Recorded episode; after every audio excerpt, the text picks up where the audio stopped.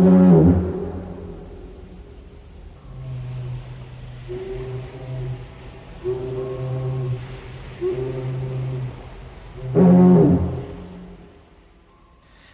is een podcast van Geluiden uit Oost. En mijn naam is Tineke Kalk. De Napoleon van de stoomvaart gaat over Jan Wilmink. Ruim 100 jaar geleden bouwt deze zoon van een Zwolse schoenmaker als directeur van de Koninklijke Hollandse Lloyd een scheepvaartimperium op. Met zijn passagiersschepen, waarvan er sommige tot de grootste en meest luxueuze schepen ter wereld behoren, vervoert hij duizenden landverhuizers naar Zuid-Amerika. En voor hen vereist aan de Oostelijke Handelskade in Amsterdam het beste landverhuizershotel ter wereld. Het Lloyd Hotel.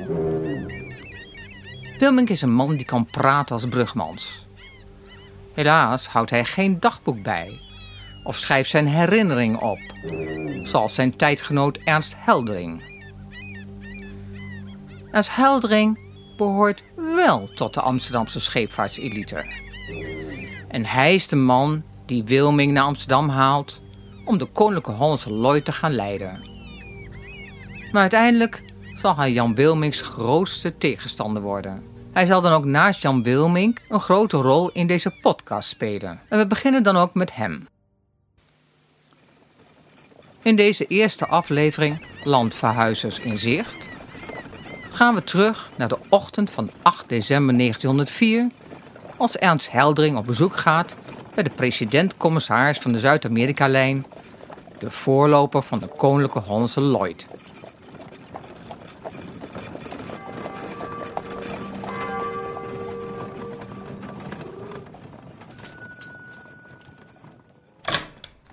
Is Jonker op de Noord aanwezig? Wie kan ik zeggen dat er is? Heldering, directeur van de Koninklijke Nederlandse Stoomvaartmaatschappij.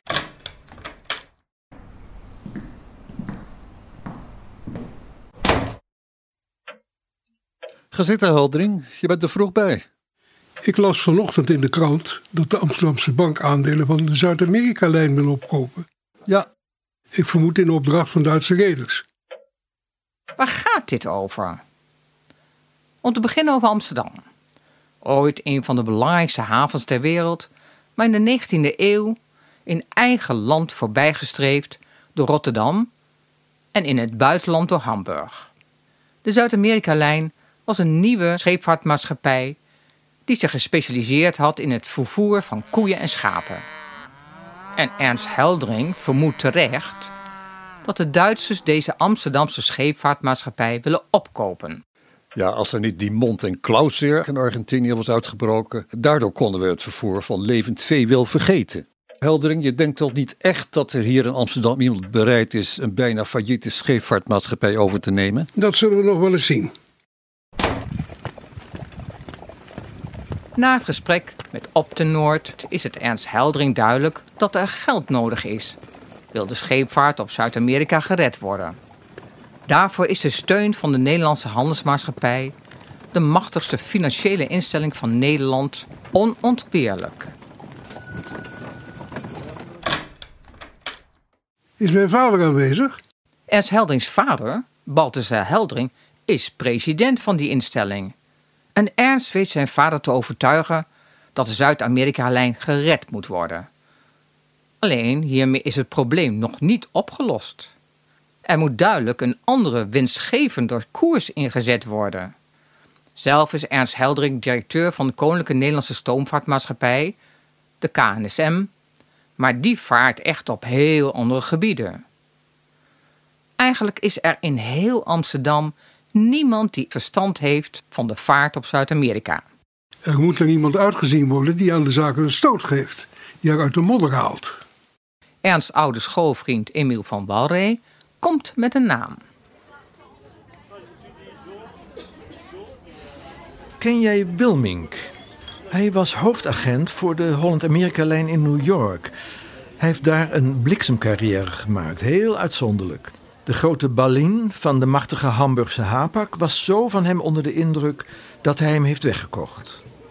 Dus hij zit nu bij Berlin in Hamburg? Nee, in Genua. Hij is daar hun hoofdagent geworden en ook nog eens directeur van de Italiaanse stoomvaartmaatschappij Italia. Dat is een soort dochtermaatschappij van de Hapag. En laat die nou op Zuid-Amerika varen. Wilmink? Dat is toch een uh, Twentse naam? Hij komt oorspronkelijk uit Zwolle. Ter geruststelling Ernst, hij spreekt keurig algemeen beschaafd Amsterdams. Maar wat wil je, die man is een talenwonder. Hij spreekt al tien talen vloeiend. Hoe oud is hij eigenlijk? Ik denk iets van 44, 45. Een familie? Zijn vader schijnt schoenmaker te zijn geweest. Schoenmaker? Ja, vroeger zou je niet met hem hebben mogen spelen, Heldering.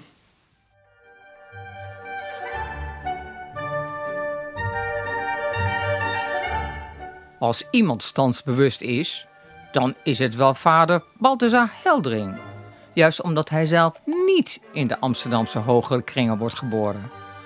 Als briljant bankier pakt hij het echter slim aan en trouwt hogerop met een meisje uit de rijke Amsterdamse Silm-familie. Die man is een heiratspeculant. Ja, wat wil je? Hij is niet voor niets bankier. Hij houdt gewoon van munten. Als zijn eerste vrouw sterft, Ernst is nog jong, trouwt Balthazar Heldering met de zus van zijn vrouw. Zo blijft het geld in de familie. Vader Balthazar Heldering heeft er ook voor gezorgd dat Ernst directeur werd van de KNSM. Zo'n kruiwagen heeft Jan Wilmink als schoenmakerszoon niet. Hij gaat op kantoor in Zwolle, maar weet zich blijkbaar zo te onderscheiden dat hij als jonge man uit de provincie aangenomen wordt bij de Holland-Amerika-lijn in Rotterdam. Dankzij zijn grote charme, intelligentie en overredingskracht maakt hij pijlsnel carrière. Als hij naar New York wordt uitgezonden, valt hij als chef de passage weer op. Albert Berlin van de Hamburgse scheepvaartmaatschappij de Hapag, de concurrent van de Holland-Amerika-lijn, koopt Jan Wilming weg. In Genua wordt hij directeur van een dochtermaatschappij van de Hapag, de Italia, die op Zuid-Amerika vaart. Als heldering besluit Jan Wilming in Genua op te zoeken. Zou het klikken tussen deze twee mannen, die niet alleen uit heel verschillende milieus komen, maar ook nog eens qua persoon zo verschillend zijn als maar kan. Charme ontbeert Ernst ten ene. Hij is cool en sarcastisch en schrijft beter dan hij praat. Dus Emiel van Walre is maar wat nieuwsgierig hoe het bezoek verlopen is. En hoe vond je hem? Hoogst innemend en intelligent. Die man heeft visie. Hij ziet veel in het vervoer van landverhuizers. Dat schijnt buitengewoon lucratief te zijn. Landverhuizers, ha, dat is wel weer wat anders dan het vervoeren van graan en zuidvruchten, waar jij je bij de KNSM mee bezighoudt. Hij ziet trouwens ook een grote toekomst voor het eerste klas toerisme. Ah, haha, het duurdere segment. Maar het ging toch in de eerste plaats om het vervoer van landverhuizers? Rijke toeristen willen het comfort van een koerhuis of eerste klas hotel. En de beste maaltijden. Volgens hem maar op het eten nooit bezuinigd worden. ja, voor de rijke toeristen dan.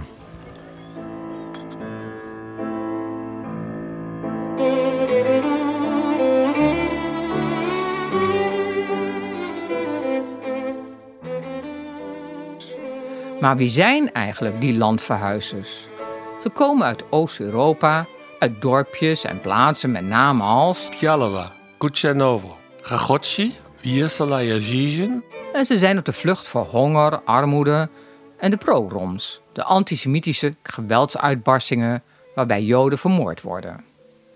Na de afschaffing van de slavernij is er in Brazilië en Argentinië grote behoefte aan werkkrachten op de plantages. Weken en soms maandenlang zijn de landverhuizers onderweg naar een haven van waaruit ze de boot naar Zuid-Amerika kunnen pakken. Vanuit Amsterdam doen de schepen er ongeveer 23 dagen over om Zuid-Amerika te bereiken.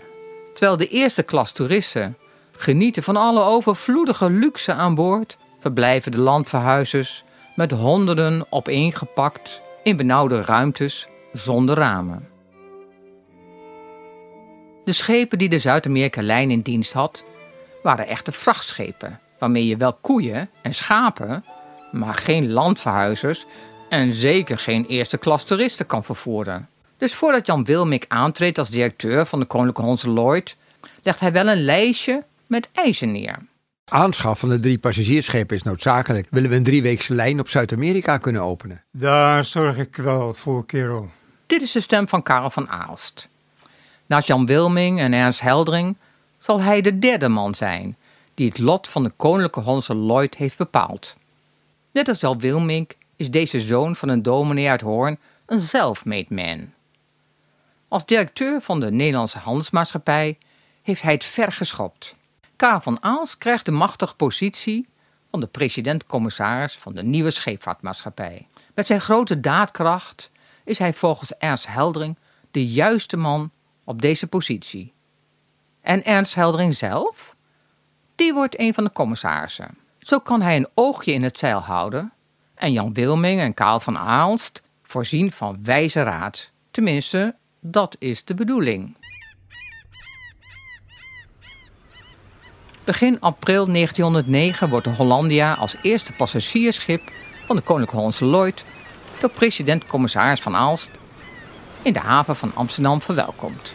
Heren, Nederland telt weer mee.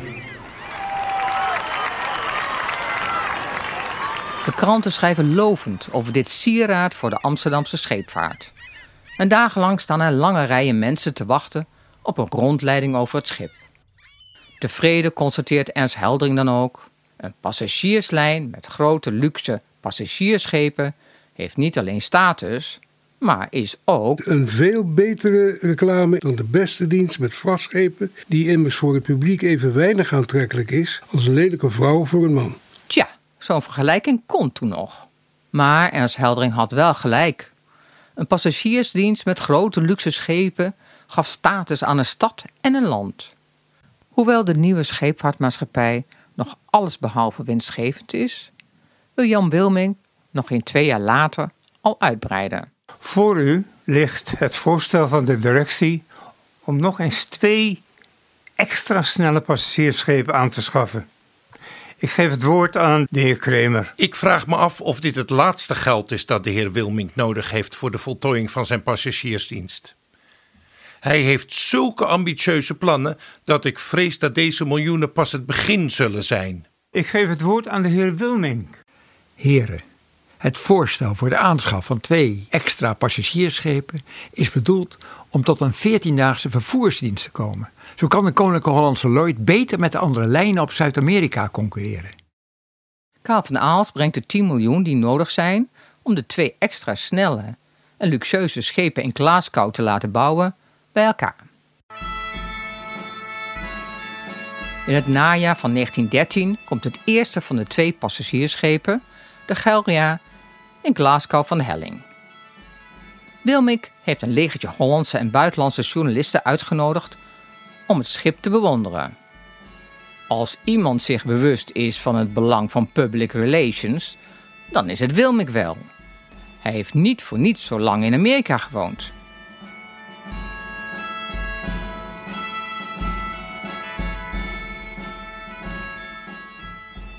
Wij bevinden ons met een talrijk gezelschap van journalisten van een aantal grote bladen uit verschillende landen, leaders van touringclubs en de directie van de Koninklijke Hollandse Lloyd in het North British Station Hotel in Glasgow. De ogen van de gehele Nederlandse scheepvaartwereld zijn op de Koninklijke Hollandse Lloyd gevestigd. Te meer daar de leiding dagelijks toont dat de energie der vaderen weder opleeft in het tegenwoordige Hollandse geslacht. Aan boord van de Gelria beschrijft de verslaggever de weelde pracht en voornaamheid van de eerste klas hutten die in luxe niet onderdoen voor kamers in een koerhuis. Over de landverhuizers en hun benauwde vertrekken rept hij met geen woord. Welke lezer zit daar nu op te wachten? Geen gemak wordt de passagiers ontzegd. Zo is er behalve een afzonderlijke scheersalon, dameskapperzaak, baden, bibliotheek, ook een gymnastiekzaal waar de reizenden op bedriegelijke wijze nagebootst het genot wordt gegund van een wandelritje te paard of op een kameel. En hoe zit het met de maaltijden? Voor de eerste klaspassagiers? Nooit heeft uw verslaggever een zo overvloedige tafel genoten. Jan Wilming kan tevreden zijn. Betere reclame is niet denkbaar. En daarbij blijft het niet. De Gelria wordt uitgeroepen tot het Ship of the Year. Een ongekende eer voor een Nederlands schip. Ernst Heldering begint zich in die jaren hoe langer hoe meer zorgen te maken over al die in zijn ogen te grote uitgaven. Hij lijdt inmiddels aan overspannen zenuwen en slapeloosheid. Een kwaal die niet onbekend is in zijn familie. En als hij zo urenlang wakker ligt, maakt hij zich zorgen over de moordende concurrentie op het gebied van de landverhuizers. De ene scheepvaartmaatschappij biedt nog goedkopere tarieven aan dan de andere. Jan Wilmink is ervan overtuigd dat hij met de allernieuwste, snelste en modernste passagiersschepen, die hij in Glasgow laat bouwen, de concurrentie de Louvre af kan steken. Maar, zo vraagt Ernst Heldering zich af, gaan die peperdure schepen hun geld wel opbrengen? Kaal van Aals en Jan Wilming wuiven al zijn bedenkingen en bezwaren luchthartig weg. En zo wordt het langzaam ochtend en heeft Ernst nog geen oog dicht gedaan.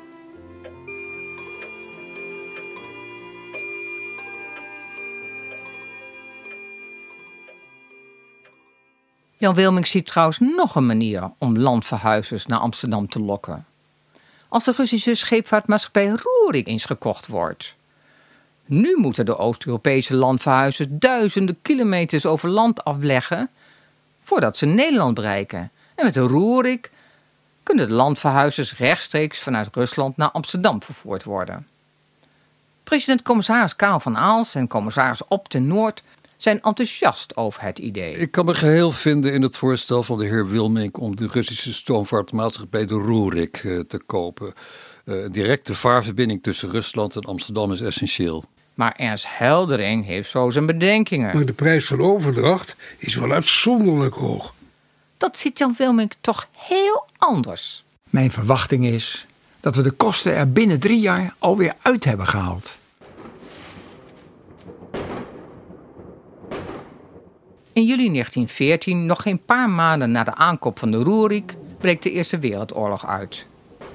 De net aangekochte Russische scheepvaartmaatschappij wordt meteen door de Russische marine in beslag genomen. Een grote tegenslag. En Ernst Heldring ziet de toekomst dan ook somber in. Maar Jan Wilmink, die is optimistisch. Want terwijl Duitsland in oorlog is, blijft Nederland neutraal. Volgens Jan Wilming is dit de kans om voorgoed met de Duitsers af te rekenen. In de volgende aflevering, met volle kracht vooruit, horen we of hem dat ook gaat lukken. De stemmen die u hoorde zijn van Theo van der Vos, Alex Leenders, Wessel van der Heijden, Piet van der Waals, Ruud van Soest, Bert Fransen, Kees de Groot, Corrie Rikkers, Nelleke Opkens, Sander van Hulsenbeek en Rob de Krieger.